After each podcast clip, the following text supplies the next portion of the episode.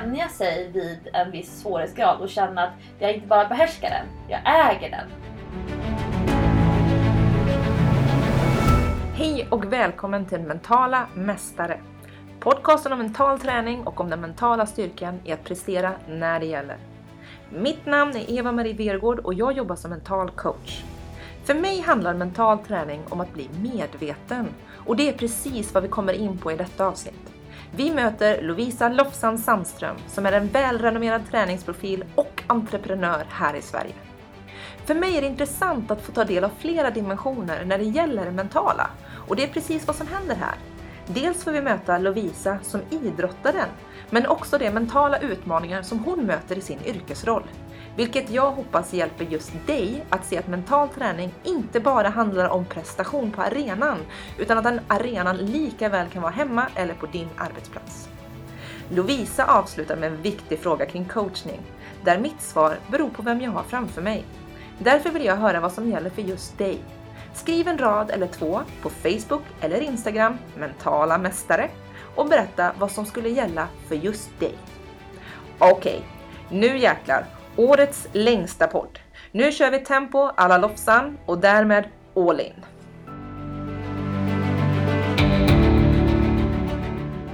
Välkommen till Mentala Mästare Lovisa Sandström. Tack! Hur är läget idag? Ja men det är bra. Jag har unnat mig en två dagars kurs som jag ska gå i anslutning till den här poddinspelningen. Så jag är lite så här nästan lite euforisk över att kunna ge mig lite egen tid. Att inte bara jobba utan få inspiration. Inspiration från dig och sen så gå utbildning. Och jag tyckte det lät jättespännande med den här utbildningen just med tanke på att det blir ett bollplank. Och utifrån ett mentalt perspektiv så tycker jag ju att ett bollplank, att få gå en utbildning och lära sig mer, blir en form av mental träning också. Absolut. Jag jag sitter ofta med mina sanningar och mycket av framgången med mitt jobb det är att jag är så övertygande. Att jag är bra på att övertyga människor. Och jag kan tycka det är skönt att bli, eh, inte ifrågasatt personligen, för det, är alltid jobbigt och så personligt utvecklande. Men att få utveckla eh, mina egna eh, mina egna resonemang och tankar och att ompröva. Alltså att känna att ah, det kanske inte var så som jag alltid har sagt att det är utan det kanske finns ett till perspektiv att ta hänsyn till. Eh, och det är ju alltid kul att få lägga ganska mycket tid på det. Jag sitter ofta och grubblar själv. Men nu i, i, när, man, när jag får gå utbildningar eh, som dessutom är på ganska hög nivå. I träningsbranschen är ju generellt sett inte så hög nivå på utbildningar. Mycket är så etablerad kunskap och, och, repetition. Men i det här fallet när jag ska få träffa en ryggkirurg och prata om ryggar. Det tycker jag är jättespännande. Att lyfta upp det flera nivåer högre upp än vad som är en vanlig PTs vardag. Och, och då kom jag osökt in på feedback. Just det här som du säger att det är en sak att få sina sanningar ifrågasatta när det är personlighet, alltså sin personliga sanning. Och nu ska du ändå göra någonting som kanske inte är riktigt ditt område till 110 procent. Hur har du utvecklat att kunna ta en sån feedback där dina sanningar ifrågasätts? Har du alltid varit så öppen som du är? Jag har alltid varit bra på att omge mig med människor som är duktiga. Och jag har alltid varit bra på att, att eh, lyssna. Och det har gjort att jag eh, historiskt sett alltid försöker plocka någonting från alla människor. Oavsett vilket yrke de har eller erfarenhet eller kunskap så försöker jag plocka med mig citat eller insikter och så försöker jag liksom paketera ihop det till någonting som kan bli min sanning och det är min filosofi. Och om man tittar på så här, träningsbranschklimatet 2018 så är det ganska hårt. Eh, det är ganska individualistiskt inriktat. Det handlar mycket om eh, vad som är det mest effektiva när det gäller träningsformer, när det gäller antal repetitioner, när det gäller vilka övningar som är bäst och så vidare. Eh, men jag saknar eh, att det, jag, jag, skulle vilja att fler människor som jobbar med fysisk träning då, vi pratar om mm. till skillnad från mental träning, att man blir, blir bättre på att utforma sin egen träningsfilosofi som kanske inte är inriktat då på vilken träningsform som är bäst utan hur man förmedlar eh, sin sanning eller sin övertygelse. Och jag tycker det är väldigt roligt och, och spännande att jobba med helhet. Att inte fokusera på detaljer, att inte fastna i små saker. Men det säljer inte lika bra som om någon kan sätta fingret på och diagnostisera exakt vad som är fel på foten för någon som får ont i foten när den springer mer än en mil. Eh, jämfört med jag som kanske då tittar på okej, okay, eh, varför får du ont i foten? När får du ont i foten? Vad gör det bättre? Vad gör det sämre? Eh, finns det några övningar som känns bättre än några andra? Och mer titta på helheten. Eh, PTs eller människor som, som, som tycker om detaljer, de passar ju en viss typ av målgrupp. Men jag själv tycker om, om, om helheten och big picture och prata och prata livsstil. Och då, då är det roligare att just plocka inspiration från olika typer av människor och väldigt ofta utanför branschen. Eh, som i, i sån här podd till exempel. Alltså att lyssna på både elitidrottsmän eller coacher. Alltså alla de här små sakerna som de kan förmedla. Ingen människa har ju en, en enda stor sanning. Men jag tror att ju fler år man, man läser på och jobbar desto mer påläst blir man och kunna snappa upp saker hela tiden. Så, så, och så har jag alltid jobbat. Eh, ända sedan jag kom till på i högstadiet. Det här med att hitta duktiga inspiratörer och försöka så här, suga åt mig. Absolut. Och jag tycker ju generellt att det är en av dina styrkor. För det är ju en av anledningarna till att jag startade den här podden var att lyfta fram olika mentala tekniker. Men vi kan prata om mentala tekniker, olika tekniker det gäller diagnos av dieter eller träning eller vad som helst. Och inse att det finns en verktygslåda och att vi är olika individer som ser olika ut. Och då så du tänker fysiskt och jag tänker mentalt. Att vi har helt enkelt vi kräver olika verktyg för att nå samma mål egentligen. Och just att liksom ha den öppenheten, det tycker jag är jättebra styrka från dig. Ja, och, men det hänger ju också ihop med att våga nischa sig. Um, för jättemånga år sedan när jag började jobba med träning, eller först, jag kommer från föreningsidrotten och är kanotist. Och inom kanot-Sverige eh, så är man jättebra på att dels utbilda unga kanotister till att, till att tidigt kunna ta ledaransvar. Och jag har alltid upplevt att mina kanotklubbar har, har liksom satsat på mig som ledare. Jag var väl typ 10-11 år när jag fick börja leda andra barn. För sen eh, har jag pluggat på GH, blivit idrottslärare, börjat jobba mer som personlig tränare. Och när jag jobbade på SATS då fick jag ju ta emot alla typer av kunder. Och då kunde det vara liksom en, en man i 65-årsåldern, jättestel, kan inte röra sig men vet att kunna spela tennis. Men det kan också vara en, en 15-årig tjej med jättemycket kroppskomplex som eh, kommer in och har nästan så beställningsschema på vilka kroppsdelar man vill shapea upp. Och det är klart att det är jättespännande, det är väldigt roligt att ha en sån bredd i sitt jobb. Men för mig var det viktigt att kunna eh, skärma av och nischa mig mera mot en, en smalare målgrupp som i, sen, i sin tur har blivit väldigt bred. Men, men som, som jag brukar säga med kvinnor någonstans mellan 20 och 55 år. Eh, men inte vilka kvinnor som helst i den åldersspannet. Utan men, människor som vill ha en aktiv medveten livsstil. Att man eh, vill lära sig att tycka om att träna. Många tror ju att man antingen tycker om eller inte tycker om. Men jag är övertygad om att man kan lära sig att tycka om. Eh, att man är beredd att jobba med helheten. Att man inte ser träningen som en, en enskild företeelse i resten av vardagen. Utan att man ser att träning är min vardag. Eh, och, och, ju mer jag nischar mig i den målgruppen desto bättre blir jag på den målgruppen. Men det kräver ju också mod för det kanske är svårare i början att sälja sig när man är väldigt smal och nischad. Eh, jag var ju så pass tidig med personlig träning och så så det är klart att det var lättare då eh, att bli stor på sociala medier och liknande mot om man kommer idag och säger så ah, men jag är nyutbildad PT och jag vill jobba med nyblivna mammor. Det är ganska svårt att få upp en heltidstjänst på att bara jobba med nyblivna mammor som nyexad PT. Och nu nämnde du ju faktiskt en, det här med grunden till dig. Alltså där ditt ledarskap och där ditt engagemang började. Och det var ju kanoten. Mm. Och jag är ju nyfiken på egentligen vad dina första minnen av att prestera kommer ifrån. Är det kanotismen eller har du ännu tidigare minnen av att prestera, tävla? Ja, eh, jag har en storebror som är fyra år äldre och han har alltid haft ett försprång på mig. Eh, fysiskt och snabbhet och mentalt. Han har alltid varit väldigt hård mot mig. Eh, och jag minns jättetidigt att, här, att försten till bilen får sitta fram. Och det är ju skitjobbigt när man är fyra och ska sprinta mot en åttaåring. Eh, men jag, redan där så var det så här, att jag kände att jag, jag hade en chans. Fast jag, jag var ju helt chanslös. Men jag trodde ju att jag hade en chans. Eh, ett av mina tidigaste barndomsminnen det är att jag eh, har en- dels några såna här gråa allvädersstövlar och sen har jag ett par längdskidor i trä med en sån här eh, stålband runt med en sån här råttfälleklämning verkligen. Eh, och att jag så här, går med jag så här slalomstavar som jag hittat i källaren och går, liksom spårar upp en egen skidbana, längdskidspår på gräsmattan eh, utanför huset i Örebro. Och jag tror att jag kanske är sju då. Och Helt ensam, jättemörkt, med så här stickade lovika vantar som var så här kassa på att hålla borta fukt. Och så gjorde jag liksom ett eget, en egen längdspårsbana. Det var ingen som hade lärt, lärt mig åka längdskidor. Jag typ lärde mig själv.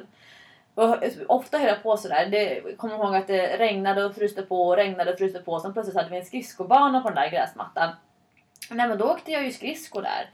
Eh, höll på och alltid ensam. Jag hade aldrig så här behov av att jag... Det är klart att vi umgicks mycket med grannbarnen. Att vi var ett gäng och vi spelade brännboll och höll på. Men, men eh, jag, jag minns att jag var ensam mycket och höll på och fixade med sådana där grejer. Jag hade någon idé. Eh, jag skulle lära mig cykla. Och jag har två yngre syskon och två föräldrar som alltid har jobbat mycket. Och jag minns att jag stod och väntade utanför eh, dörren med cykeln och så här, pappa ska komma och hjälpa mig och lära mig cykla. Och så väntar och väntar och så är det ingen som kommer. De håller väl på att fixa något där inne. Jag tänkte, nej vad fasen, nu får jag lösa det här själv. Och tränar och tränar och tränar. Sen när pappa kommer ut då har jag ju lärt mig ensam. Eh, och någon, man kan ju tänka sig, men gud vad sorgligt att mina föräldrar aldrig kom när du stod där och ropade utanför. Men, men det var ju också en skön lärdom att här, antingen så står jag och väntar eller så provar jag själv. Och provade jag tillräckligt många gånger så kunde jag. Eh, jag fick någon tics, idé, någon tics med och fix-idé att jag skulle cykla runt kvarteret utan att hålla i händerna. Så klarade jag ett varv och så tänkte jag så här, oh, kan jag två varv? Så kunde jag två varv. Det var, väldigt, det var inte bilfritt men det var väldigt lite bilar på den här tiden. Tre varv tänkte att nu ska jag sätta rekord. Och jag kommer ihåg att jag cyklade 50 varv runt kvarteret utan att sätta händerna på styret. Också så här jätteonödigt. Det måste ha tagit jättelång tid för mig att, att träna in det. Men det var en sån här eh, grej där jag bara kände så här, ah, men nu, nu bestämde jag mig och bara träna in det. Och då jag, när jag började så här rodda bakåt i mina minnen eh, just när det gäller prestation. För det har varit en viktig del av i mitt eget jobb där med att kunna eh, stå pall för, för tryck, eh, att bygga företag, att våga, menar, att våga satsa. Och mina föräldrar har ofta nu de senaste åren tagit fram såna här minnen som de har haft kring mig när jag var liten. Då berättar de att jag eh, en kväll satt och hade bestämt mig för att jag skulle lära mig jag tror att det heter kupera med sån här kortlek. Mm, när man bläddrar till dem och ska sätta ihop dem. Ja. Och då hade jag bestämt mig för att jag skulle klara att kupera kortleken i från S, alltså röda på ena sidan, svarta på andra sidan och sen i sifferordning. Varannan kort. Och så så då, då höll jag på en hel kväll med det. Och till slut så kunde jag det också. Men alltså, då, jag förstår mig lite pervers hjärna. ja, ja men alltså jag, jag bara blir ju lite kär i den här hjärnan. För då är frågan, som jag tror att många är och framförallt är föräldrar och du vet hela den där biten. Alltså var tror du att det här kom ifrån? Var det i början med att du hade en bror som du tävlade med när du var typ 3-4 år? Eller är du, kommer det inifrån dig? Eller vad tror du? Jag tror att mycket kommer inifrån mig. Eh, mina föräldrar idag är ju inte förvånade över att jag har gjort de fysiska prestationerna som jag har gjort när jag springer 9 mil på Ultravasan eller när de tycker att jag är helt sjuk som eh, går upp klockan fem på morgonen för att träna. De är såhär, ja ja ja. Men så där har hon alltid varit. De, de rycker på axlarna lite grann. Eh, min mamma hon säger att eh, eftersom jag fick två systrar väldigt tidigt. Det är två år mellan mig och min syster Agnes och sen är det ett och ett halvt år bara mellan henne och nästa barn. Och, hon upplever att jag nästan sa lite hej då till henne när de här två nya Mm. barnen kom och att jag drog mig mer till min pappa. Och min pappa han har alltid behandlat mig eh, väldigt moget och vuxet. Han har alltid ehm, hjälpt mig att göra det som jag har velat göra. Ehm, kanske inte med, med, med, eh, med båda händer. Men han har, jag kommer ihåg någon gång att han, han hade varit eh, på någon konferens bortrest. Så kom han hem och så hade han köpt en, en rosa skateboard i plast med dödskalle på. Eh, och det var ju ingen annan tjej på ja, men tidigt 90-tal som får en skateboard av sin pappa. Men han- för honom var det så här, en självklart, det är klart att min dotter ska åka skateboard. Eh, eller att jag ärvde min brorsas limpa, en sån här cykel, en riktig killcykel. Eh, och, och man vill ju gärna prata om pojkflicka och att eh, pojkflickor har det mycket lättare för sig för att man blir behandlad som en kille. Och, och blir man behandlad som en kille då kan man liksom eh, bli lite tuffare och hårdare. Men jag tror att vi, jag var liksom aldrig något jag var aldrig uppfostrad som ett kön utan jag var bara Lovisa och Lovisa är, behöver väldigt mycket stimulans. Men sen så har mina föräldrar, och det har jag tagit med mig jättemycket till mina egna barn, de har alltid eh, eh, utmanat alla oss barn. Att vi har åkt till fjällen och åkt skidor och, och då ingår det att man blir kall om händerna. Det är liksom en del av att åka skidor. Eller att eh, man eh, åker till eh, Onnaboda sjön till exempel. Ja men det är jättekallt i vattnet på sommaren men man badar ändå. Det, det är liksom, man, man utsätts för de här fysiska påfrestningarna. Och att eh, det, varför sitter du här och gnäller? Vet du inte hur bra du har, du har det? Eh, och det har jag tagit med mycket till mina barn att ja, men när man vandrar, så här är det att vandra. Nu har ni fått prova på det. Man behöver inte älska det men man ska prova på det. Eh, sen så kanske jag lägger lite mer pengar på att köpa bra skidvantar till mina barn. Att det inte är såna här Lovikka-vantar. Men det är, ju- vi har ju en annan ekonomisk situation nu än vad många barnfamiljer hade på 80 och 90-talet. Men eh, jag, jag tror också att jag eh, lärde mig mycket med tiden. Om man tänker på den här kuperingen. Eh, alltså det kan ju ta jättemånga timmar att lära sig kupera en kortlek så att det blir varannat kort. Men när man väl kan det, ja men då kan man det. För all framtid. Cykla utan att hålla i händerna. När man väl kan det, då är det, då, då är det jätteenkelt. Och ju fler saker man förvärvar, tänker jag, eller fler skills eller förmågor, desto lättare är det också att lära sig nya förmågor.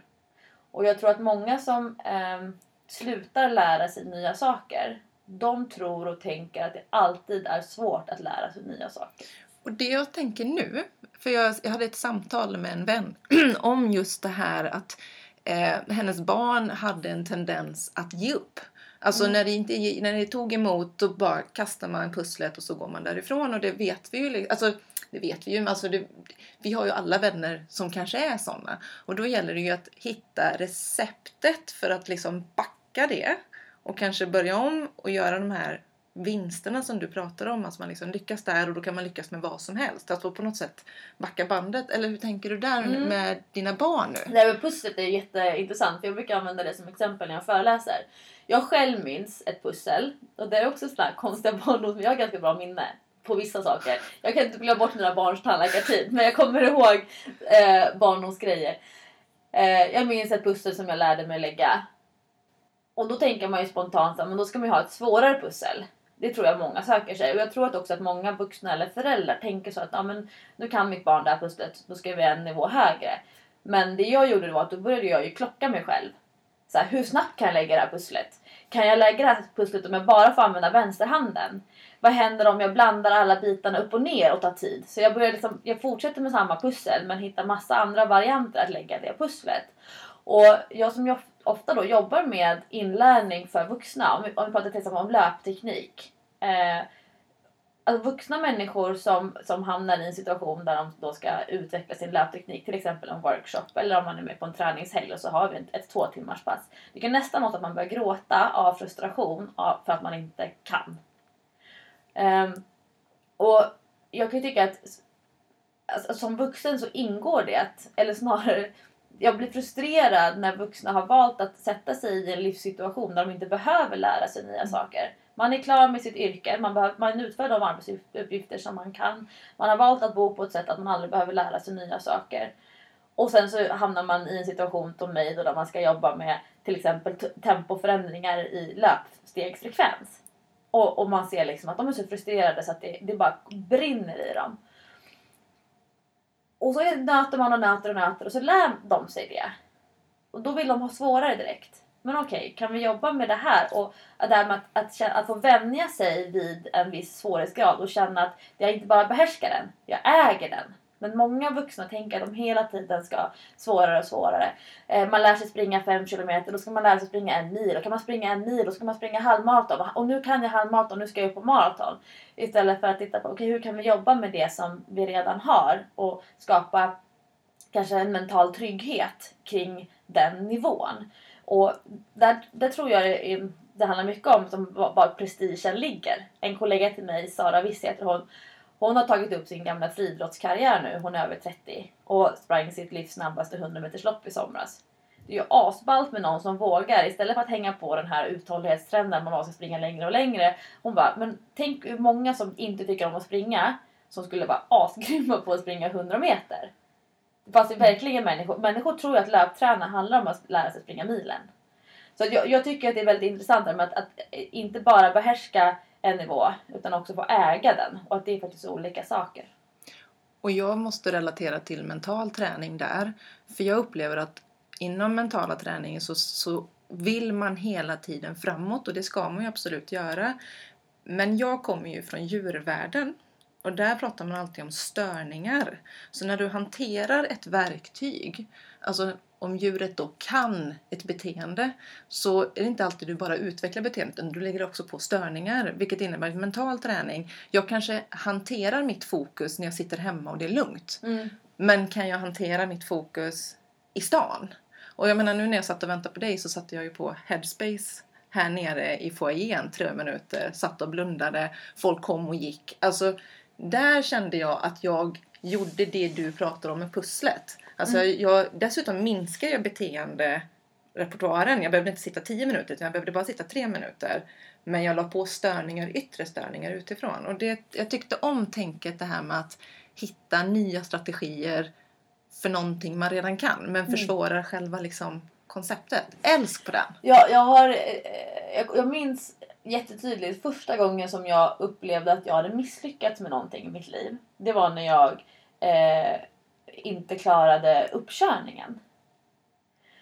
Och då hade min mamma innan liksom förberett mig lite grann på att, eller hon hade tryckt på vikten av att ha en så pass hög lägstanivå att man klarar av att hantera nervositet. För det är en sak att du klarar alla den här checklistan och allting när du övningskör med din förälder eller med körläraren. Men sen när det är uppkörning då är det så många andra parametrar som kommer in. Till exempel att det plötsligt man kanske inte har utsatt sig för rusningstrafik eller att man är nervös och man har jättemycket adrenalinpåslag och så vidare.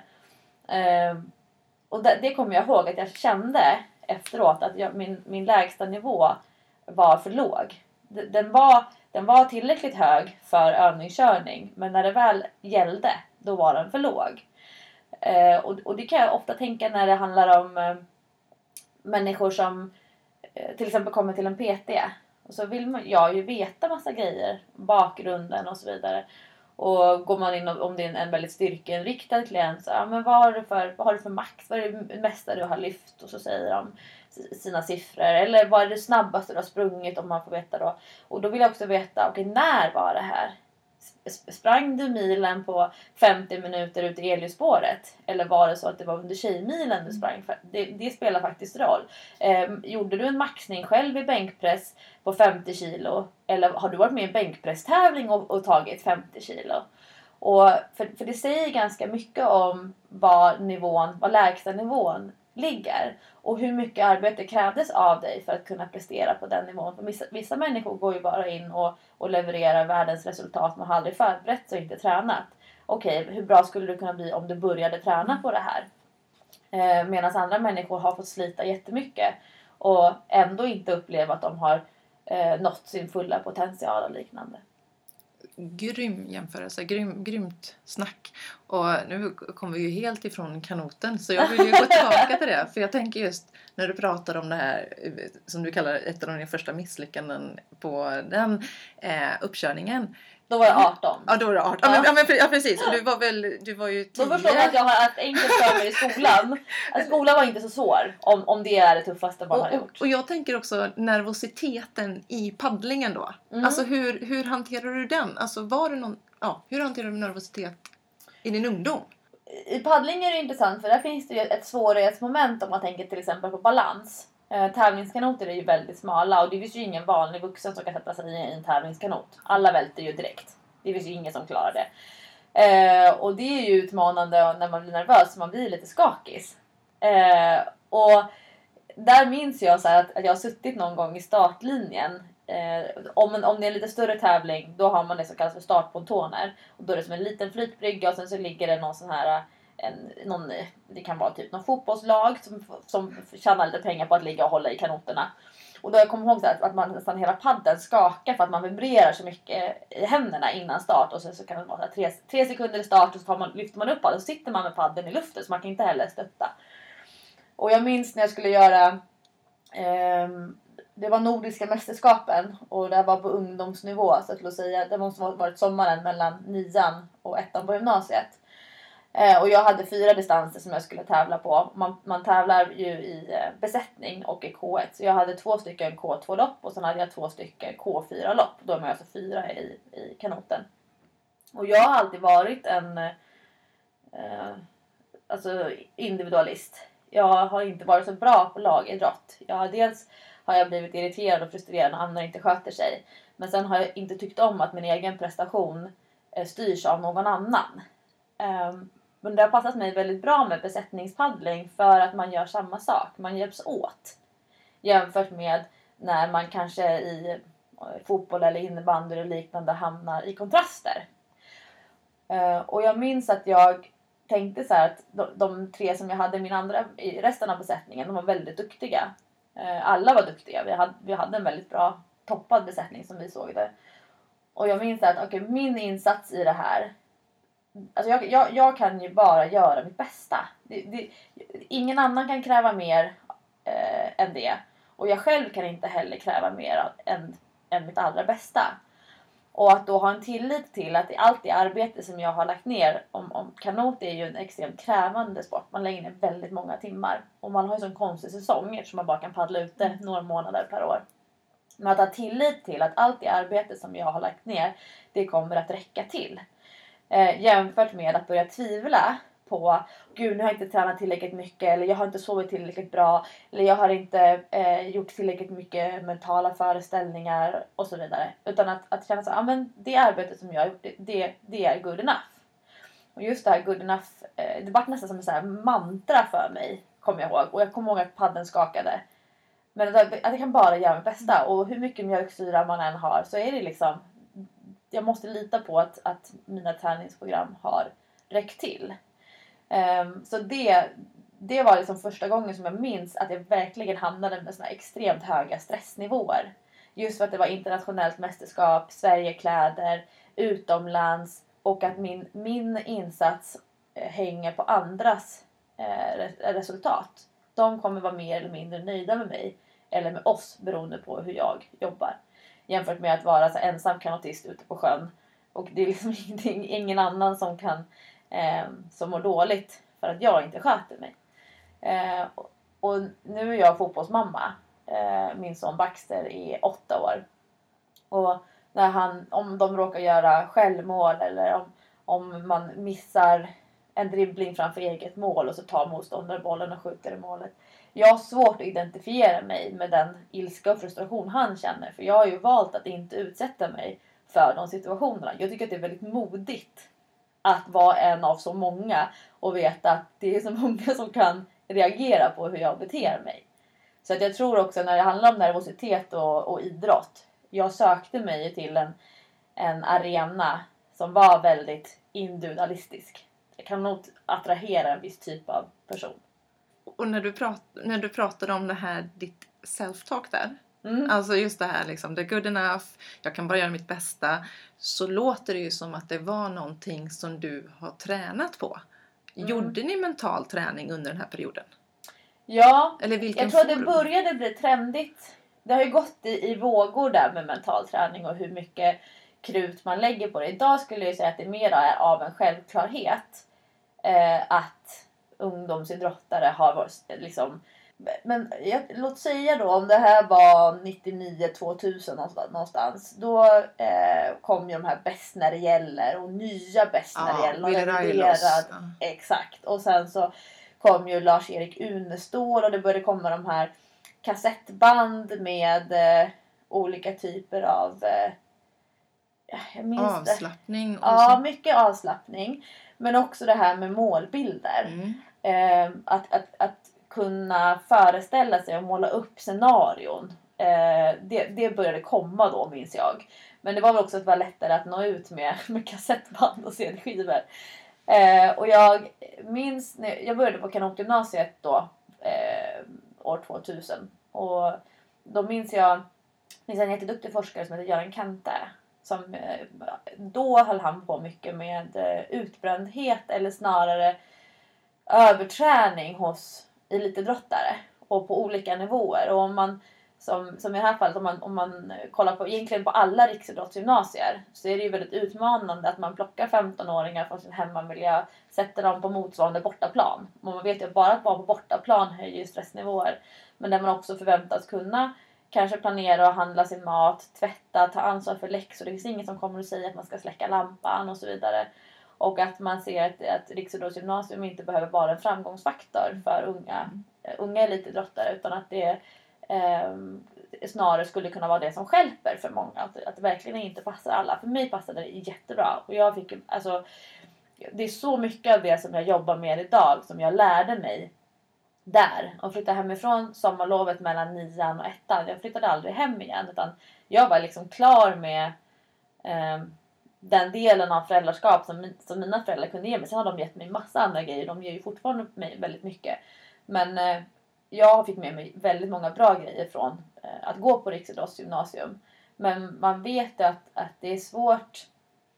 M många duktiga idrottare och framförallt kanotister är ju högpresterare på många nivåer. Det kan man titta på. Många uthållighetsidrottare är ju duktiga i skolan och man har högutbildade föräldrar, man har ekonomiska möjligheter, man har en ganska ekonomiskt eh, tung idrott, kostar mycket.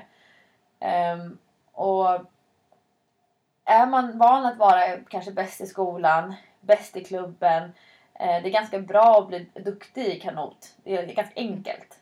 Eh, och sen hamnar man då i en vardag där alla de här duktiga idrottarna ska hela tiden ligga och konkurrera med varandra. Det ställer ju väldigt höga krav på den mentala tåligheten. Att det är ju fruktansvärt jobbigt om varje pass blir en tävling. Och det kan jag...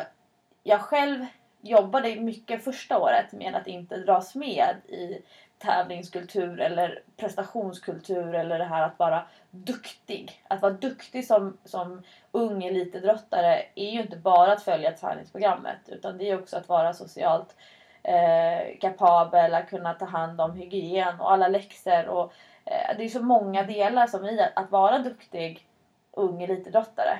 Um, och om man tittar på crossfit till exempel liksom alla bara Åh Lovisa du måste börja med crossfit, du är en sån talang, vad du än gör, du bara blir så duktig.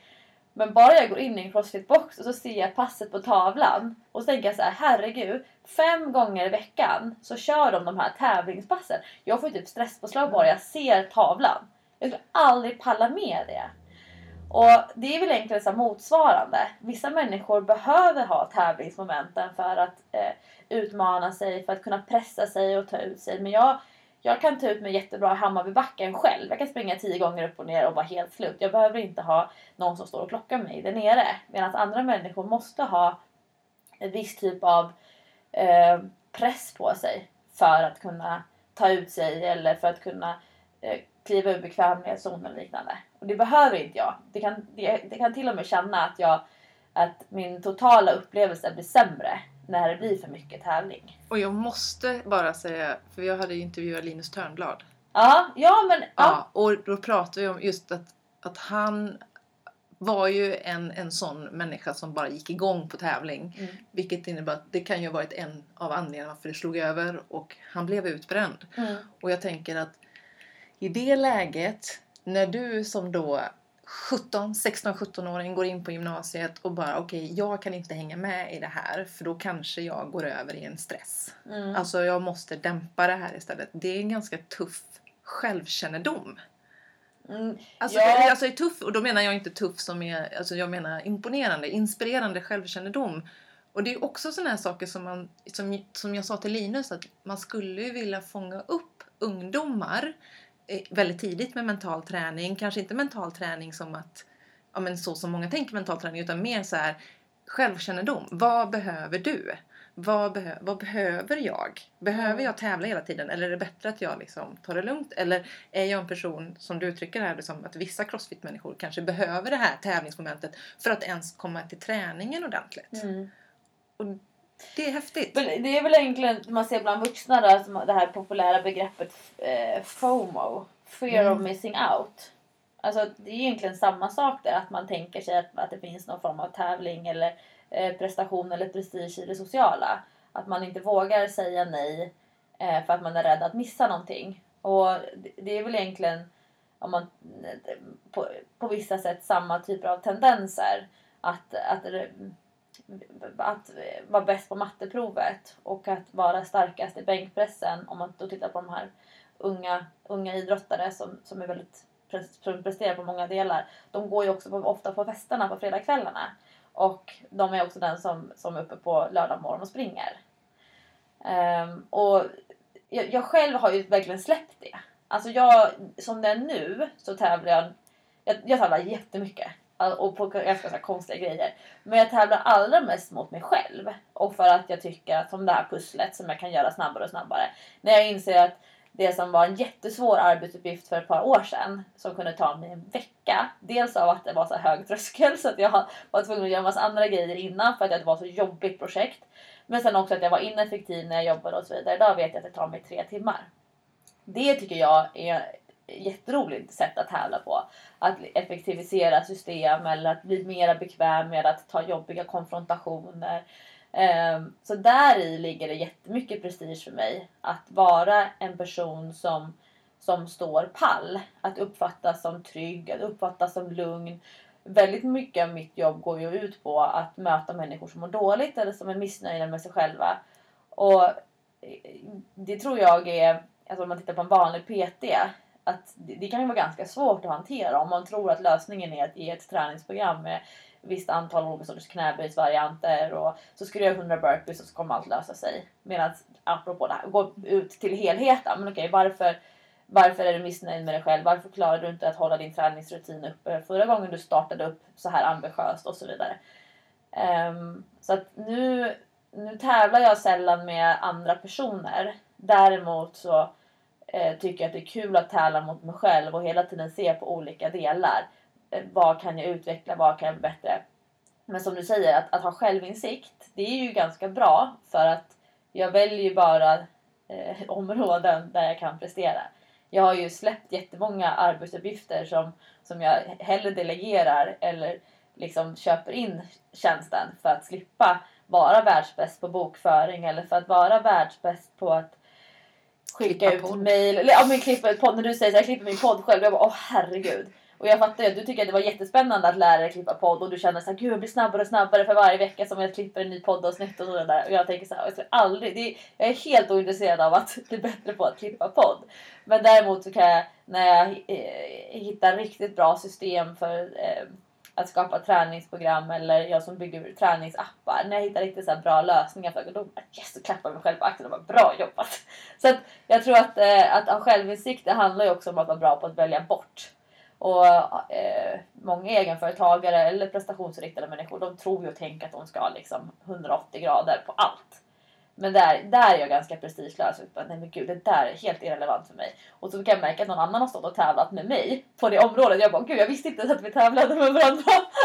Men det är härligt, jag kan få känna att du har vunnit över mig. Och där säger någonting som jag också jag möter jättemycket i mitt jobb som mental tränare. Att folk har svårt att hantera när andra tävlar mot dem utan att de vet om det. Mm.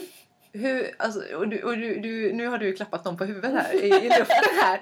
Är det så du gör? När, för jag tänker att du är ju jättestor på sociala medier. Alla tävlar med dig. Alla Mm. vill slå dig. Eller jag kan tänka mig att efter Vasaloppet bara yes, jag kom två meter före Lovisa. Liksom.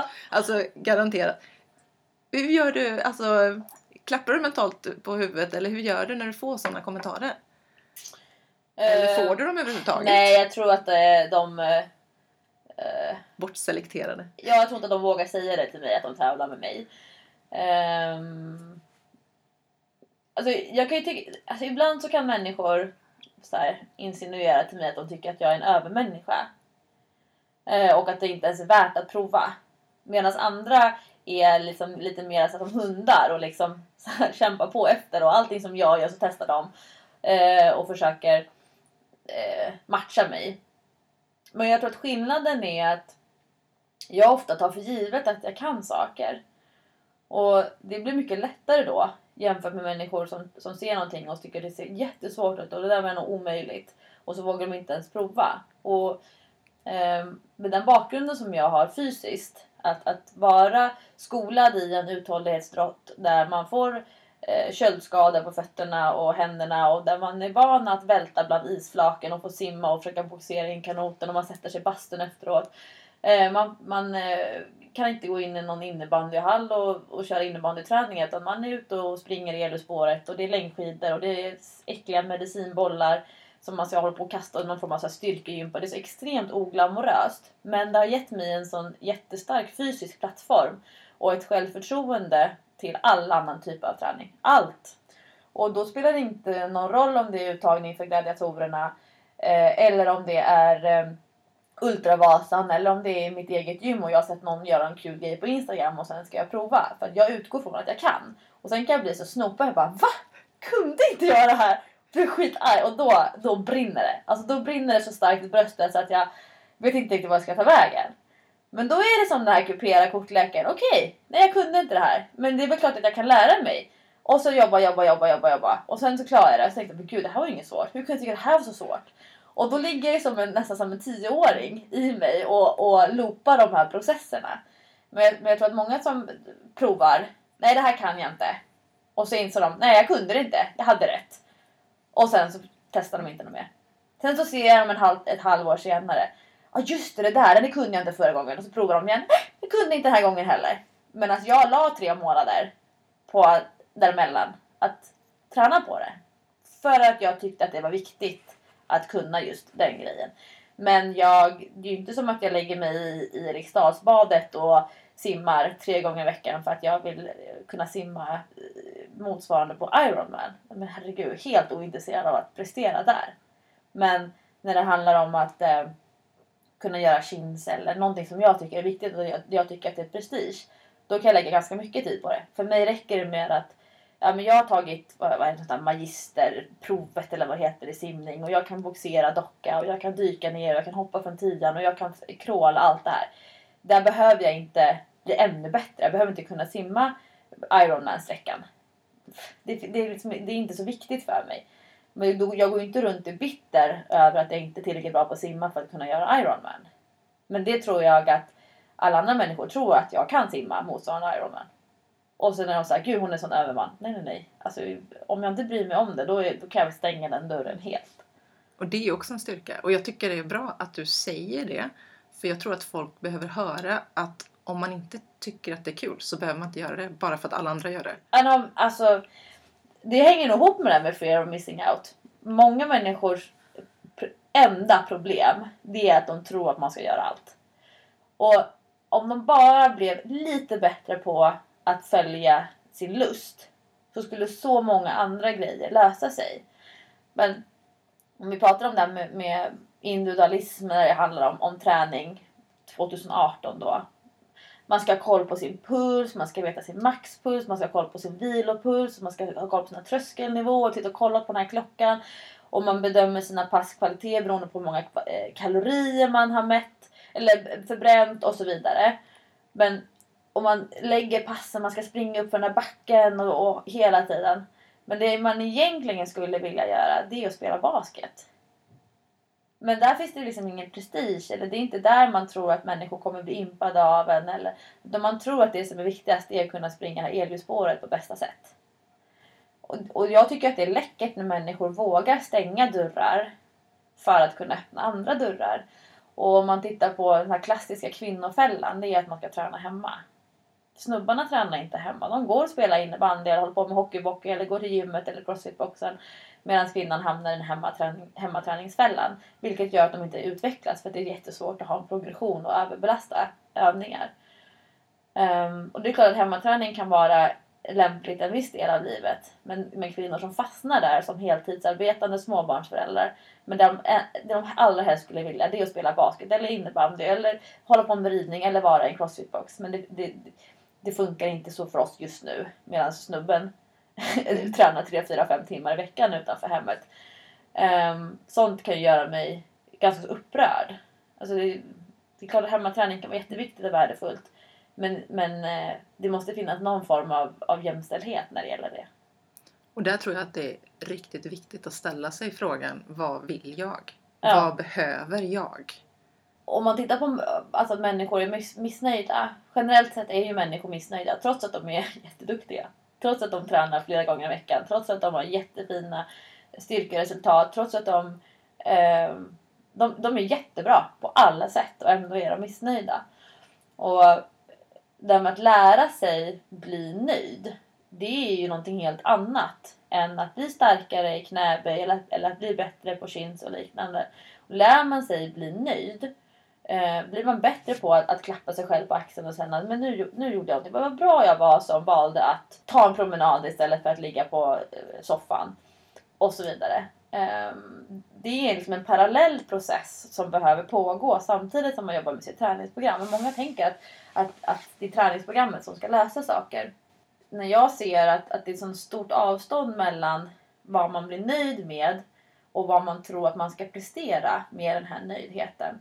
Åh, jag skulle också vilja eh, träna fem gånger i veckan. Åh, jag skulle också vilja äta på det där sättet. Och så presenterar jag en lösning för, ja men här är ett träningsprogram för fem gånger i veckan och titta på det här kostupplägget.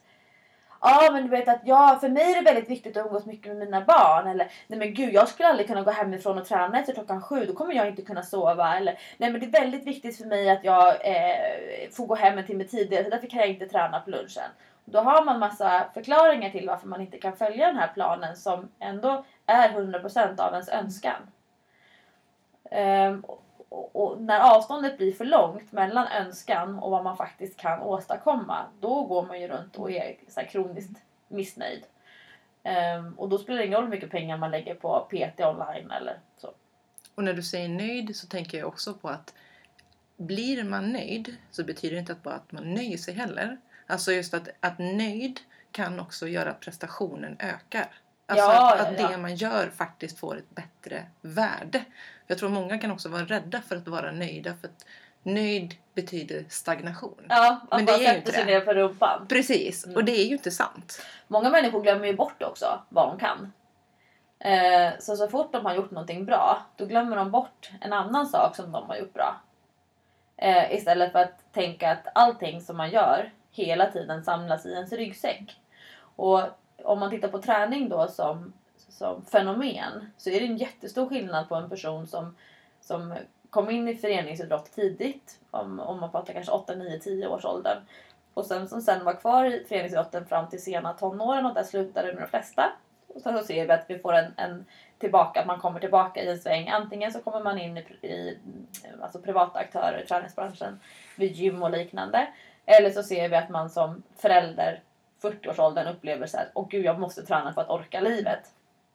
Och många människor som, som eh, kanske kom in i föreningsidrotten men lämnade den tidigt eller som inte hade föräldrar som hjälpte en in i föreningsidrotten. Så är de 30-35 år och så, så tror de och tänker att de skulle kunna vara på samma nivå som människor som har tränat eller rört på sig på olika sätt i hela sitt liv. Inte bara i vardagen utan även under helger och semestrar och lov och allting. Och tror och tänker att, att eh, man kan göra samma sak. Och den, den, om man tittar då ur, ur det här ämnet med, med mental träning och liknande. Den här mentala frustrationen som kommer av att varför kan inte jag prestera på samma nivå som hon kan? Men vi, vi tränar ju likadant. Jo, men den här personen har tränat tiotusentals timmar mer än vad du har gjort. Och det kanske till och med är så att när du följer programmet nu så kommer du bli skadad. Och där är, kan jag ju så här credda och, och tycka det är bra med människor som vågar ha tunnelseende. Som vågar smalna av sitt spektra och faktiskt inte jämföra sig med för detta elitidrottare eller människor som, som jag som ändå, jag har en lärarutbildning, jag har jobbat som lärare. Men jag har ju ändå med mitt stora intresse för träning valt att lämna fast kommunal anställning eh, för att bygga egna företag. Jag hade en enskild firma och jag minns verkligen så att jag gjorde schema för så här, gud hur ska jag kunna leva på det här? Eh, jag måste ta ut föräldrapenning eh, parallellt för att kunna försöka få ihop det. Ehm, för att jag verkligen vill leva och jobba med mitt stora intresse. Och människor då som jobbar heltid som förskollärare eller som ekonomer eller som är jurist och så tror och tänker att det finns någon form av likhet mellan dennes liv och mitt liv. Ja men herregud, jag har e- vikt mitt liv åt det här ämnet. Det är klart som tusan att jag har en helt annan plattform att jobba med. Eh, jämfört med den personen som utöver heltidsjobb och barn kanske försöka hålla ordning på privatekonomi och så är det en trädgård som ska fixas. Det finns liksom inga likheter överhuvudtaget än att de kanske försöker snappa upp samma träningsprogram som jag följer. Eller den här övningen säger Lofsan är jättebra för att och hon tittar på hennes mage. Bara, ja fast det var väl inte riktigt det är inte riktigt den, den kopplingen som jag vill att det ska vara. Um, så där med, med att eh, jag gillar ju när människor speglar sig men man måste ju också hitta en spegel som inte är lustiga huset. Mm. Alltså det måste finnas någon, eh, en spegel som eh, eh, hänger ihop med någon form av realism. Och jag menar en spegel där man blir inspirerad. Mm. Men man behöver inte bara spegla utan man kan faktiskt hitta sin egen väg. Och just som du säger flera gånger jämföra sig med sig själv och kolla sin egen resa för att därigenom få prestationen.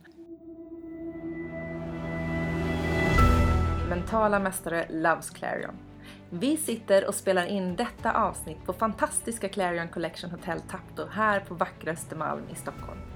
Visste ni om att om man bokar ett rum så ingår det ekologisk och Fairtrade-märkt frukost, afternoon sweets och en varierande middagsbuffé varje dag. Och givetvis är allting hemlagat. Det bästa med att du lyssnar på just det här avsnittet är att du nu har möjlighet att få 20% rabatt på rummet om du ringer och uppger mentala mästare. Detta mellan perioden 1 december till sista januari. Kanske är det dags för lite julshopping eller manladagsrea i huvudstaden. Det är någonting som jag kan rekommendera. Dessutom kan man njuta av både frukost och middagsbuffén fast man inte bor över, vilket är precis vad jag alltid passar på när jag är här. Så lova oss nu att ni kikar förbi, stödjer dem som stödjer oss. Tack så jättemycket! Clarion Collection Hotel Tapto på Östermalm i Stockholm. Vad är mental styrka för dig? Jag tycker att mental styrka um, det handlar om att vara uthållig. Att inte vika ner sig bara för att det är jobbigt. Uh, jag tycker att mental styrka är att fortsätta se uh, positivt på saker som skulle kunna falla över till att vara negativa. När jag föreläser om motivation till exempel så brukar jag ta exempel människor som man går igenom en skilsmässa och man blir sjukskriven och sen kommer man aldrig tillbaka till livet igen.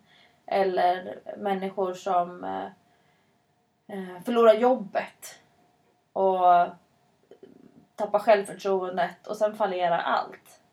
Jämfört med en person som får ett barn som blir sjukt eller att ens partner dör.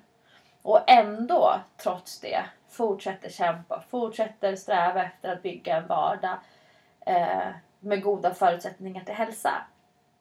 Eh, och hur, just skillnaden mellan hur mycket är arbete och hur mycket är um, mental inställning. För jag tror att många människor tror att om jag bara arbetar tillräckligt mycket för någonting så, så kommer allting falla på sin plats.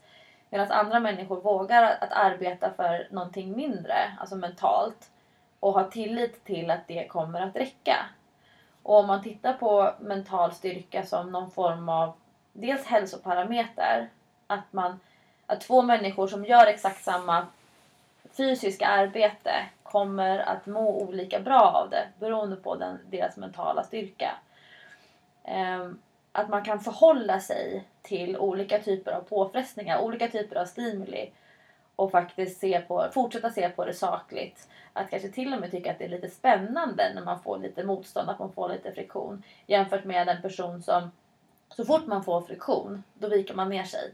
Och man tror kanske till och med att friktion är någonting dåligt. Friktion är eh, universums sätt att säga till mig att jag är ute på fel väg.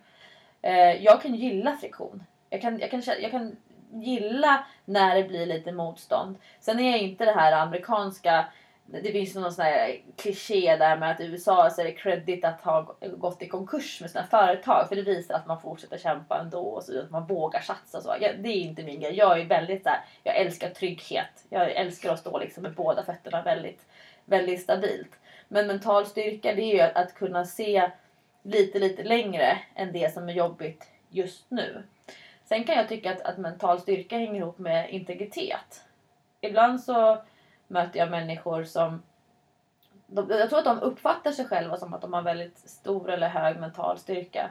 Men för mig blir deras eh, personliga varumärke blir så kopplat till att de eh, visar sig väldigt svaga hela tiden. Och det här med att, att, att inse att man har en svaghet men att man inte behöver göra det som en del av ens personlighet. Eh, därför att jag, jag Eh, bedömer och dömer en person beroende på hur den, inte vilka påfrestningar den har utsatts för, utan hur de har hanterat det. Och där skiljer det sig ju jättemycket. Eh, eh man här, rättshaverister eller då människor som går igenom olika typer av trauman eller sorger och liknande. Det mesta är ju egentligen bara otur. Det var en slump att, det, att det, just den här personen råkade utsätta, utsättas för den här typen av kris. Men vad är det som händer sen? Um, där tittar jag på mental styrka. Och mental styrka kanske sällan är för mig och i min vardag um, att uh, hålla fokus när man ska göra den tyngsta bänkpressen. Utan mental styrka handlar nog snarare om att orka kämpa i och hålla fast trots att det är jobbigt. Eh, och precis som du pratade om det här med föräldern som upplever att mitt, mitt barn hela tiden ger upp. Eh, att faktiskt säga att, att livet är inte rättvist. Så är det. Eh, livet är inte rättvist och det som är rättvist det är att det du arbetar för det är det som du sen kommer lära dig av. Um, och som jag är uppvuxen med tre syskon, vi är fyra barn totalt. Att tro att vi skulle få ha någon form av rättvisa, det finns ju inte. Däremot har vi alltid fått det som vi har behövt. Men det har alltid varit olika saker. Och människor som går runt i livet och upplever hela tiden sig eh, att det har varit orättvist eller att man, är, att man har fått att man känner sig förfördelad. Och det kan ju både vara alltså vuxna människor som pratar om sina föräldrar på det sättet eller som pratar om sin, sina kollegor eller chef på det sättet. Eller till och med att man pratar om klassföräldern. Som att man själv har blivit förfördelad i pengainsamling till klasskassan. Allt, allt det här hänger ihop för mig med mental styrka. Och det speglas ofta på alla de här områdena. Nu projicerar jag lite, ja. men jag tänker just när du, när du pratar om mental styrka och kunna hantera motstånd. Så tänker jag när du blev skadad som ung mm. och fick lämna paddlingen. Mm. Hur, hur såg den processen ut? För, jag, för, för jag, jag, nu projicerar jag, men jag känner bara att om jag själv skulle liksom tvingas lämna någonting så skulle det vara jobbigt. Mm. Men hur, hur, hur hanterade du liksom att behöva lämna någonting när du kanske var mitt uppe i det? Ja, jag fick en, en axelimpingement. Eh, vilket är en klassisk skada för eh, simmare kan man säga där. Eh, vilket i praktiken innebär att när du lyfter på armbågen rakt ut åt sidan så klämmer det till in i axeln. Och eh, jag vet när jag fick mitt första symptom. Det var när jag skulle göra en maxning i chins. Och jag hade gått från att kunna göra 3-4 chins till att kanske kunna göra 15-16. Så jag vet att jag hade legat på för hårt. Och chinsen i sig kanske är relevanta för paddlingen. Men som kanotist så är det viktigt att vara stark i chins.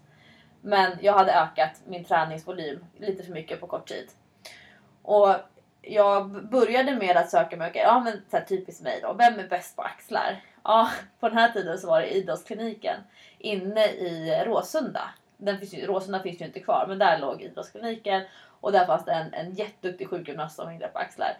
Och då åkte jag ju alltså tur och retur Stockholm från Nyköping där jag bodde tre gånger i veckan för att gå på landstingsfinansierad sjukgymnastik. Hålla på och dra de här gummibanden och det var akupunktur och allt det här. Eh, och samtidigt som jag höll på med den här rehab-grejen så det är klart att jag sprang och jag körde ju massa annan typ av träning.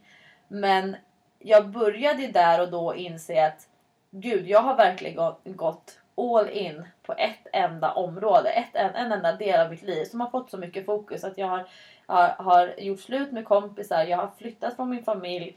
Jag har valt bort så många grejer för att för en, en idrott som jag nu upplever att det inte är så roligt. För det är oftast, alltså lusten minskar ju mer besvär den skapar. Och sista året på gymnasiet eh, då kunde ju inte jag vara med och paddla. Och då blir det också en social utmaning för att det är så mycket av ens en idrottares identitet som ligger i möten med sporten. Ehm, sen är det klart att man umgås liksom utöver sina träningspass och liknande.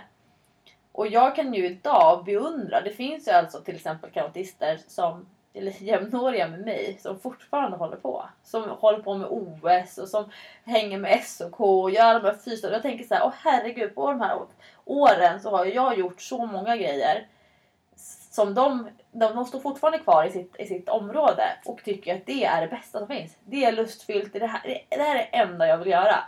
Och jag kände ju ganska tidigt att nu är jag färdig med den här delen. Nu är jag färdig med elitidrottandet nu vill jag göra någonting annat. Jag har alltid velat plugga. Det var viktigt för mig eh, att ha en akademisk utbildning.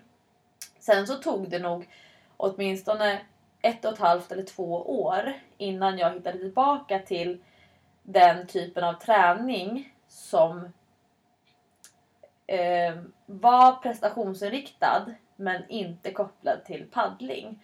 Um, och det, det var det här med den här fysiska plattformen som man lär sig stå på om man håller på med en säsongsinriktad uthållighetsidrott. Så då blir man ju väldigt bra på många saker. Men hur roligt är det när man inte längre får värdera och när, när det i träningsdagboken inte längre står OS i Rio? För det var ju ändå alltså, helt relevant tyckte jag. Det är klart att jag ska åka till OS. Vad skriver man då under mål när man är 19 år? Ja, eh, genomförande mål typ. Träna tre gånger i veckan. Eller eh, klara göra biceps curl med 12 kilos hantlarna igen. Alltså det är sådana mm. grejer. Och det, det kändes ju jättefjantigt i början. Men för mig idag så var det jätteviktigt att jag fick göra den processen. För att jag slutade inte sätta upp mål. Har man väl lärt sig sätta upp mål, det är precis det. Det kan vara jättejobbigt att formulera mål, men har man väl lärt sig det, då jobbar man med det på alla delar av, li- av, för mig alla delar hela livet. Eh, och jag var efter gymnasiet så började jag plugga juridik och kände verkligen inte att jag passade in. Jag gick och köpte ett, ett gymkort på Frescatihallen på, det, på studentgymmet där. Eh, och tyckte det var roligare att vara i gymmet än att vara i föreläsningssalen.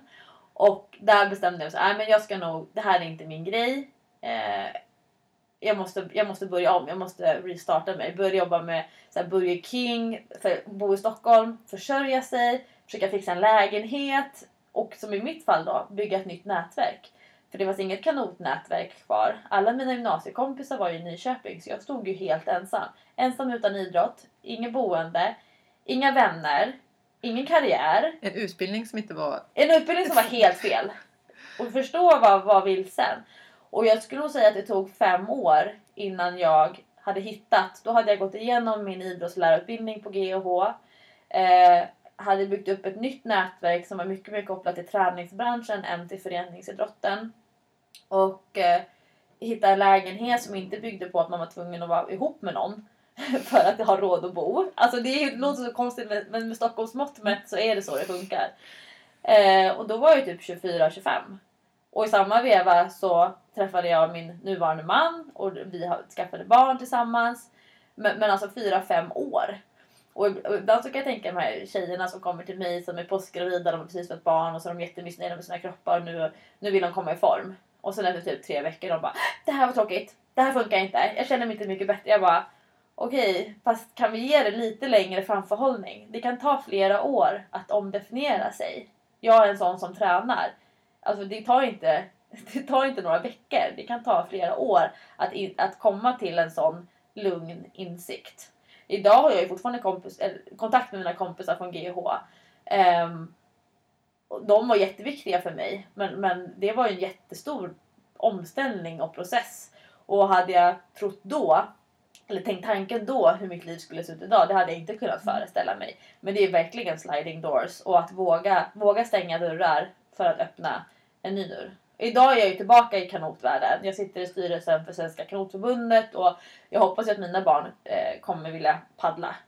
Eh, just nu gör de inte det, de har de andra intressen. Men jag vill ju ge tillbaka till kanotidrotten för den var jätteviktig. Jag har lärt mig så mycket om mental styrka och eh, uthållighet av att, att, från kanotvärlden. Och mycket där man pratar om självförtroende eller att ta, ta för givet att man mm. kan. Det kommer från min, min förenings, mitt föreningsidrottande. Och jag bara, när du säger uthållighet, tålamod, alltså det är ju grymt lärosäte. Ja, och det är väl klart att det är bra att ha läst företagsekonomi på gymnasiet och det är viktigt att ha ett bra nätverk och så vidare. Men alla de grejerna tycker jag är sekundära mot de personliga egenskaper som krävs för att driva företag eller att våga stå långt fram i en, i en bransch. Eh, eller i mitt fall då att, att palla med ansvaret, att veta att man är en, eh, mitt varumärke eller mina varumärken försörjer väldigt många människor. Att vakna på morgonen med, eh, med det ansvaret, det kräver ju också liksom ett, eh, ett lugn och trygghet. Om jag skulle vara nervös, alltså som till exempel sociala medier. Jag vet att jättemånga människor är nervösa och känner så prestationskrav på sig för att det ska vara så perfekt på sociala medier. Om jag skulle känna så varje gång jag skulle posta ett inlägg, då skulle jag gå under. Alltså att det att sänka tröskeln och inte ta sig själv på så stort allvar. Det tror jag är en viktig framgångsfaktor när vi pratar om mental uthållighet. Om varje grej som man gör kräver så enormt hög anspänning, då är det inte hållbart. Och pratar man om, om hållbarhet och mental styrka, då får man nog tänka att det måste finnas någon balans mellan den här friktionen vi pratar om och eh, vad jag får ut av det. För om det bara är friktion hela tiden och jag inte får ut någonting, då är det inte hållbart. Då, då kommer inte det här företagandet funka på lång sikt. Men människor tror ju också att ja, men efter ett år då ska jag ha lyckats. Man bara ja fast alltså jag lär mig fortfarande nya saker. Det är fortfarande så att jag kan känna att gud är jag på rätt ställe? Jo men det är jag. Just, varför, varför, varför gjorde jag det här nu igen? Och så får jag liksom påminna mig själv. Så när någon kommer som en nyexad PT, typ nästan direkt efter gymnasiet eller som har skolat om sig från att någon ekonom eller någonting och så börjar de så här efter ett år tvivla på om de har valt rätt. Jag bara, du, du får nog kämpa på några år till liksom. Det, det är ju inte gratis. Det är klart att vissa av oss har mer fallenhet men det är fortfarande måste, måste slita. Och visst hade du skrivit häromdagen på din stories det här med att ha jobbat många gratistimmar? Var det inte du som skrev det? Ja, men det var nog ganska länge sedan. Ja men, ja, men det var ett tag sedan. Och jag tänkte just också på min bakgrund där hur många timmar jag har stått ute i regnet och drillat ekipage. Ja. Alltså på föreningsbasis. Ja. Alltså sådär. Och, det man liksom inte, och så hör man folk som bara ja ah, men jag skulle också vilja ha eh, ett liv där man bara åker runt och liksom eh, instruerar andra. Man bara ja ah, fast det ligger rätt mycket bakom det. Så jag tycker det är bra att du tar upp den här uthålligheten. Ja men alltså det här med prissättning är ju är ju jättesvårt och många människor kommer ju och vill sätta priser som är så här, för mig fantasisiffror för att du har inga case, du har inga, du har inga referenser, du har inga, du, det finns ingen erfarenhet. Och eh, i, i, typ alla andra branscher så måste du först jobba upp en, en, någon form av portfolio eller någonting innan du kan börja liksom, gå in och som jag tycker då konkurrera eller förhandla om priser. Eh, men många PTs kommer med, och det är klart att med goda grunder, väldigt gott självförtroende från sin PT-utbildning. Det är nästan som man fått lära sig att nu ska vi rädda världen, nu, är, nu ska folkhälsan förbättras. Och så blir man jättefrustrerad över att folk inte fattar att de ska betala för, för PT-timmar eller att de tycker att arbetsgivaren har för dåliga anställningsvillkor och liknande. Men, men eh, jag skulle säga att 80-85% av mitt, mina arbetsuppgifter de är ju oavlönade jag tjänar inte pengar på att svara på frågor på Facebook eller på Instagram. Eller om jag får kanske 20-25 mail om dagen från människor som vill ha hjälp med olika saker. Och då kan det vara allting till att så här, ja, hur får jag bort fettet på rumpan till jag har en magmuskeldelning eller jag skulle vilja klara eh, tough viking. Alltså det är ett jättebrett spann. Jag får, får ingenting betalt för att svara på de frågorna. Men, men det gör ju att mitt nätverk utökas, att mitt personliga varumärke blir starkare och så vidare. Men många tänker så här, ja nu, nu har jag fått en fråga på Instagram och jag vill veta hur mycket jag kan ta betalt för svaret. Jag bara, mm. ja men var generös, visa att du kan. För det är också så man lär sig. Alltså det man lär sig på en PT-utbildning, det är ju noll värt i verkligheten tycker jag om inte människor kan omsätta det i praktiken. Om människor att, att, att svara på frågor på sociala medier som ju då blir mycket av mitt arbete. Om människor inte kan göra någonting med det i nästa steg då har ju inte mitt, mitt varit värt någonting. Eh, och, och det är också en sån här utmaning när alltså vilken nivå man ska lägga sig. När, apropå mm. mental styrka då. Det är klart att jag skulle kunna skriva en hel roman som svarar på en fråga. Och så man får tänka så här, okej okay, det här svaret kommer läsas nu av kanske 25 000 människor. då måste jag ju liksom skriva ett svar som de allra flesta tolkar så som jag vill att det ska tolkas. Det kommer alltid hamna ytterligheter. Men, men för min del så, så kommer det svaret se helt annorlunda ut jämfört med om jag skulle sitta så här vid varsin sida av ett bord och svara på en fråga. Eller om jag skulle skriva det i en bok. Eller om jag ska sitta i direktsänd TV. Eh, och, och, det är också det här med att, att klara av att se de perspektiven. Och det kommer alltid vara så att några misstolkar åt, åt några håll. Eh, man får alltid räkna med lite marginaler. Så, och, och det är okej. Okay. Det är också så här, att, att känna sig, ja men det är fine. Mm. Hon, miss, hon missförstod mig. No hard feelings men så. Eh, men det är ju tack vare sociala medier som jag kan leva på det här idag. Att vi är så pass många som jobbar med Lofsagruppen till exempel eller med Majst. Som fakt att det faktiskt funkar. Så jag är tacksam över de plattformarna. Men det finns ju för och nackdelar. Helt klart. Mm. Och jag skulle vilja sitta hur länge som helst till och prata med dig. Men vi behöver börja runda upp lite. Mm. Så jag vet att jag har mejlat dig och frågat dig om du ville förbereda någon fråga eller någonting ja. du vill att vi ska ta upp i den här podden. Ja! Vad? Ja men det här, för jag har ju i, i min podd i Probono då har jag frågat PTn. Mm. Och då, eh, då undrar jag vad gästen har för fråga till mig och då kan, då kan jag tänka på det att det kan vara två perspektiv. Det ena är undrar du någonting för din egen träning eller undrar du liksom som PT till PT mm. till exempel om jag intervjuar någon från träningsbranschen. Och då har jag en sån fråga till dig. För jag undrar eh, den idrottspsykologin som jag har läst den är liksom en termin på universitetet och det är ändå ganska låg nivå som jag tycker. Och när man pratar om idrottspsykologi så ofta så tänker man ju att det är det här bäst när det gäller. Att det är en höjdhoppare som i en OS-final ska sätta tredje försöket på 2,04. Eller man tänker att den här golfputten nu avgörs av vad de här tävlingarna heter och man kan vinna 5 miljoner kronor om man klarar det. Att det är liksom idrottspsykologi. Men idrottspsykologi är ju också där när man pratar om motivation till motion. Alltså hur man motiverar människor till att faktiskt röra på sig. De flesta känner ju inte att de behöver det. Men då undrar jag, om man, om man eh, som i mitt jobb träffar personer som är extremt motiverade och de är jätteförtroendeingivande när man sitter så här och pratar och menar på alla de här kompromisser som de kan göra för att nå en viss typ av framgång. Men där man då efter några veckor, ibland efter några månader inser att eh, det här har glömts bort på vägen. Alltså hur, hur, dels hur approachar du det? Eller man, om man som du är mm. proffs på det här ämnet. Och det andra jag undrar är hur hårt kan man gå på och hänvisa till vad man en gång har sagt om sin, sin, sitt mentala fokus? Jättebra fråga. Och mitt spontana är också hur engagerad kan jag som coach vara? Här blir det ju någon form av avtal. Eh, får jag en person som bara vill liksom att kan du hjälpa mig med de här bitarna? Mm. Så kanske jag, ja, jag lägger upp ett, eh, ett verktyg. Sen är det ju upp till den personen att ta ansvaret att utnyttja verktygen. Har jag en person som verkligen säger att jag måste ha hjälp med det här, då kanske jag också behöver ta ett visst del av ansvaret i början för att påminna. Hur mycket engagemang vill jag lägga? Alltså hur mycket engagemang får jag resurser att lägga? Mm. Och i det här läget också kanske till och med skriva avtal. Alltså jag har den här målsättningen, jag vill skapa de här passen.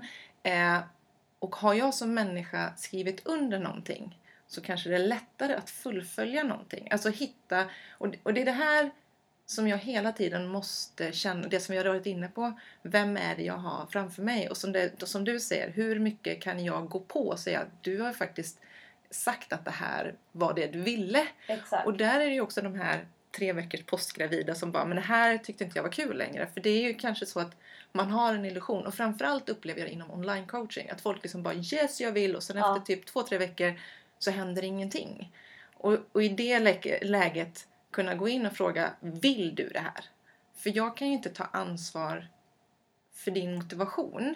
Men jag kan hjälpa dig så att du kommer över tröskeln. Och det jag tycker är intressant är att om jag kan hjälpa dem över tröskeln så brukar de få upp motivationen.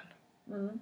Men hur ärlig kan du då vara? Kan du, kan du formulera typ som att jag, eh, jag funderar över det avtalet vi ingick eller den överenskommelsen som vi hade för sex veckor sedan.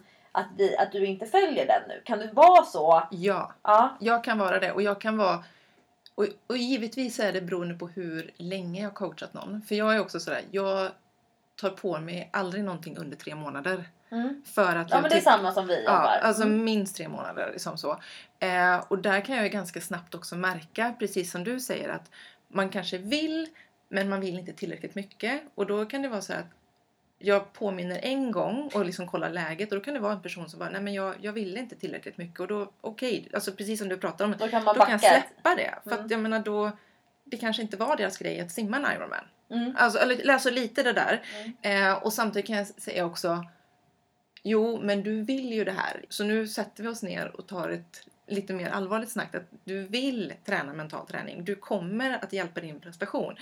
Och jag upplever ofta att och den här bursten som jag pratar om, alltså bara man kommer över den motivationsbursten till mental träning. Det handlar ju dels att man bara känner att det blir en skillnad.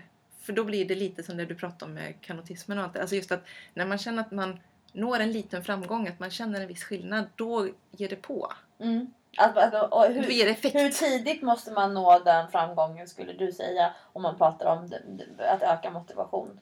Tråkigaste svaret, det beror på. Ja. Alltså, det, alltså vissa... Jag brukar ha en commitment point på tre veckor. Mm. Alltså, det, alltså det är så här, tre veckor ska du... ska- Alltså Då du ska det alltså, ha hänt någonting ja, någonstans. ja. Mm. på tre veckor vill jag... Alltså, jag har aldrig, aldrig varit med om att någon som har gjort mental träning i tre veckor inte fått ett resultat. Ever. Alltså, alltså, då har det hänt någonting. Men sen är jag jättenoga också med att jobba med skalor. För mental träning är ju väldigt diffust. Motiva- alltså, träning är ändå så här tre dagar i veckan ska du göra detta. Mot, eh, mental träning kan vara så här känslor. Och då brukar jag jobba väldigt mycket med på en skala från 1 till 10. Hur nervös är du inför den här starten? Mm. På en skala för 1 till 10, hur känns det här? Och då kan man också göra så att efter tre veckor, du kanske bara gått upp från en tvåa till en fyra. Men att få folk att inse att det är ett jättehopp för dig. För att alla kan inte gå från en tvåa till en tia för då hade vi liksom... Nej. Alltså det, det funkar inte på det sättet. Men att man får skatta, att, att man kan Ja. möta framsteg också i skattade känslor inför Precis. en utmaning. Jag tänker det här med människor som... Alltså jag, jag är ju, det kan ju låta lite så här hemskt nu. Men jag är ju, är ju inte van vid att människor gör som man säger. De sitter ju och Mm. säger att jag kommer göra som du säger. Men sen så finns det ganska låg följsamhet. Men, men det där med att, att jobba med skattade skalor för att, att påminna kanske också om att vad är det egentligen du, du tycker att det är lite roligare att Mm. träna idag än vad du tyckte i Mm. förrgår. Någonting sånt där Ja. kanske. Ja, men det skulle säkert kunna vara någonting som funkar på vissa i alla fall. Mm. Alltså så och jag, jag försöker ju alltid se vem är det jag har framför mig och det är där jag Alltså vissa kan man vara tuffare med. Mm. Och, då, och vissa kanske jag har ett större engagemang hos och vissa kanske vill att jag ska ha större engagemang. Och då är det lättare också att påminna. Alltså för det kan räcka med ett, ett sms eller ett, eh, att man liksom har Jag jobbar ganska mycket med olika, men olika online-strukturer där man faktiskt kan återkoppla ganska enkelt och ändå få en påminnelse. För oftast handlar det just liksom att bara komma över nivån. Mm. Var det svar på din fråga? Mm. Man kan vara ganska hård. Men man måste också ha gett en insats. Man måste ha gett, gett Ja. en plattform. Ja. Och, och, men sen att man faktiskt kan våga sätta, sätta emot Ja. efter. Men jag, jag tar åt mig det här för det är det här med commitment. Mm. Att man ändå på något sätt skapar en, en, en, eh, gemensam värdegrund. För det är det här som vi ska jobba med. För det, det tycker jag är svårt när man, man tror att man jobbar med en gemensam Mm. värdegrund och så visar det sig att en person har en helt annan. Man, de tror att de, de säger så jag vill bli snabbare på att springa milen. Fast, och sen så klarar de det. De kanske minskar flera minuter och sen så är de ändå missnöjda för att de inte har gått ner i vikt. Mm. Och jag då var såhär, jaha, var det viktnedgång vi skulle jobba med? Ah, jo men jag vågar inte säga det för jag vet att du tycker, ah, okej men då hade vi lagt upp kanske träningen Mm. eller den mentala inställningen annorlunda eller liknande. Precis. Ja. Och jag tror att, att våga prata om sådana saker är viktigt.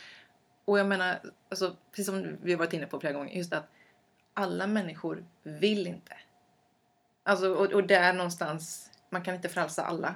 Ändå försöka våga, hellre kanske våga vara lite tuffare än att bara släppa det. Mm.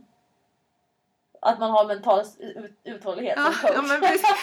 Exakt. Mental uthållighet och engagemanget, våga engagera sig. Mm. Vem skulle du vilja lyssna på i den här podden? Jag, jag, jag satt och funderade på, eh, på det. Och jag, jag tycker att det är intressant med människor som lever under väldigt mycket press. Så jag tänker ju att någon politiker skulle vara Mm. väldigt spännande. Och jag gillar Annie Lööf jättemycket. Så det är så här, jag tänker så här, tänk om människor som varje dag vaknar på morgonen och vet att det är så många människor som hatar mig och som vill att jag ska bort. Och ändå så känner jag mig rätt lycklig. Jag trivs med mitt jobb, jag upplever att mitt jobb är meningsfullt, jag kommer hem på kvällen till min familj och tycker att jag har gjort ett bra jobb. Då tänker jag så här, gud det är ju verkligen, det är ju så mäktigt. Mm. Så sånt, någon eh, Annie Lööf eller någon politiker som lever med väldigt mycket motstånd, apropå den här Mm. friktionen, det skulle jag tycka var spännande. Grymt svar. Jag ska, jag ska, jag ska jobba på den där. Jag Ja. kanske går igenom dina Hon, kanaler på hon, något är, ju- sätt. hon är ju från Småland så Ja. det, är, det är inte jättelångt från Borås. Nej, det blir lite närmare Ja. Hon bor i Stockholm då. Så du får komma tillbaka till Stockholm. alltså, tack så jättemycket. Jag, jag kanske återkommer till dig för jag har ju en hel lista med frågor som vi inte ens kom in på. 2.0 avsnitt också. Tack så jättemycket för att du tog dig tid. Tack, jättespännande ämne.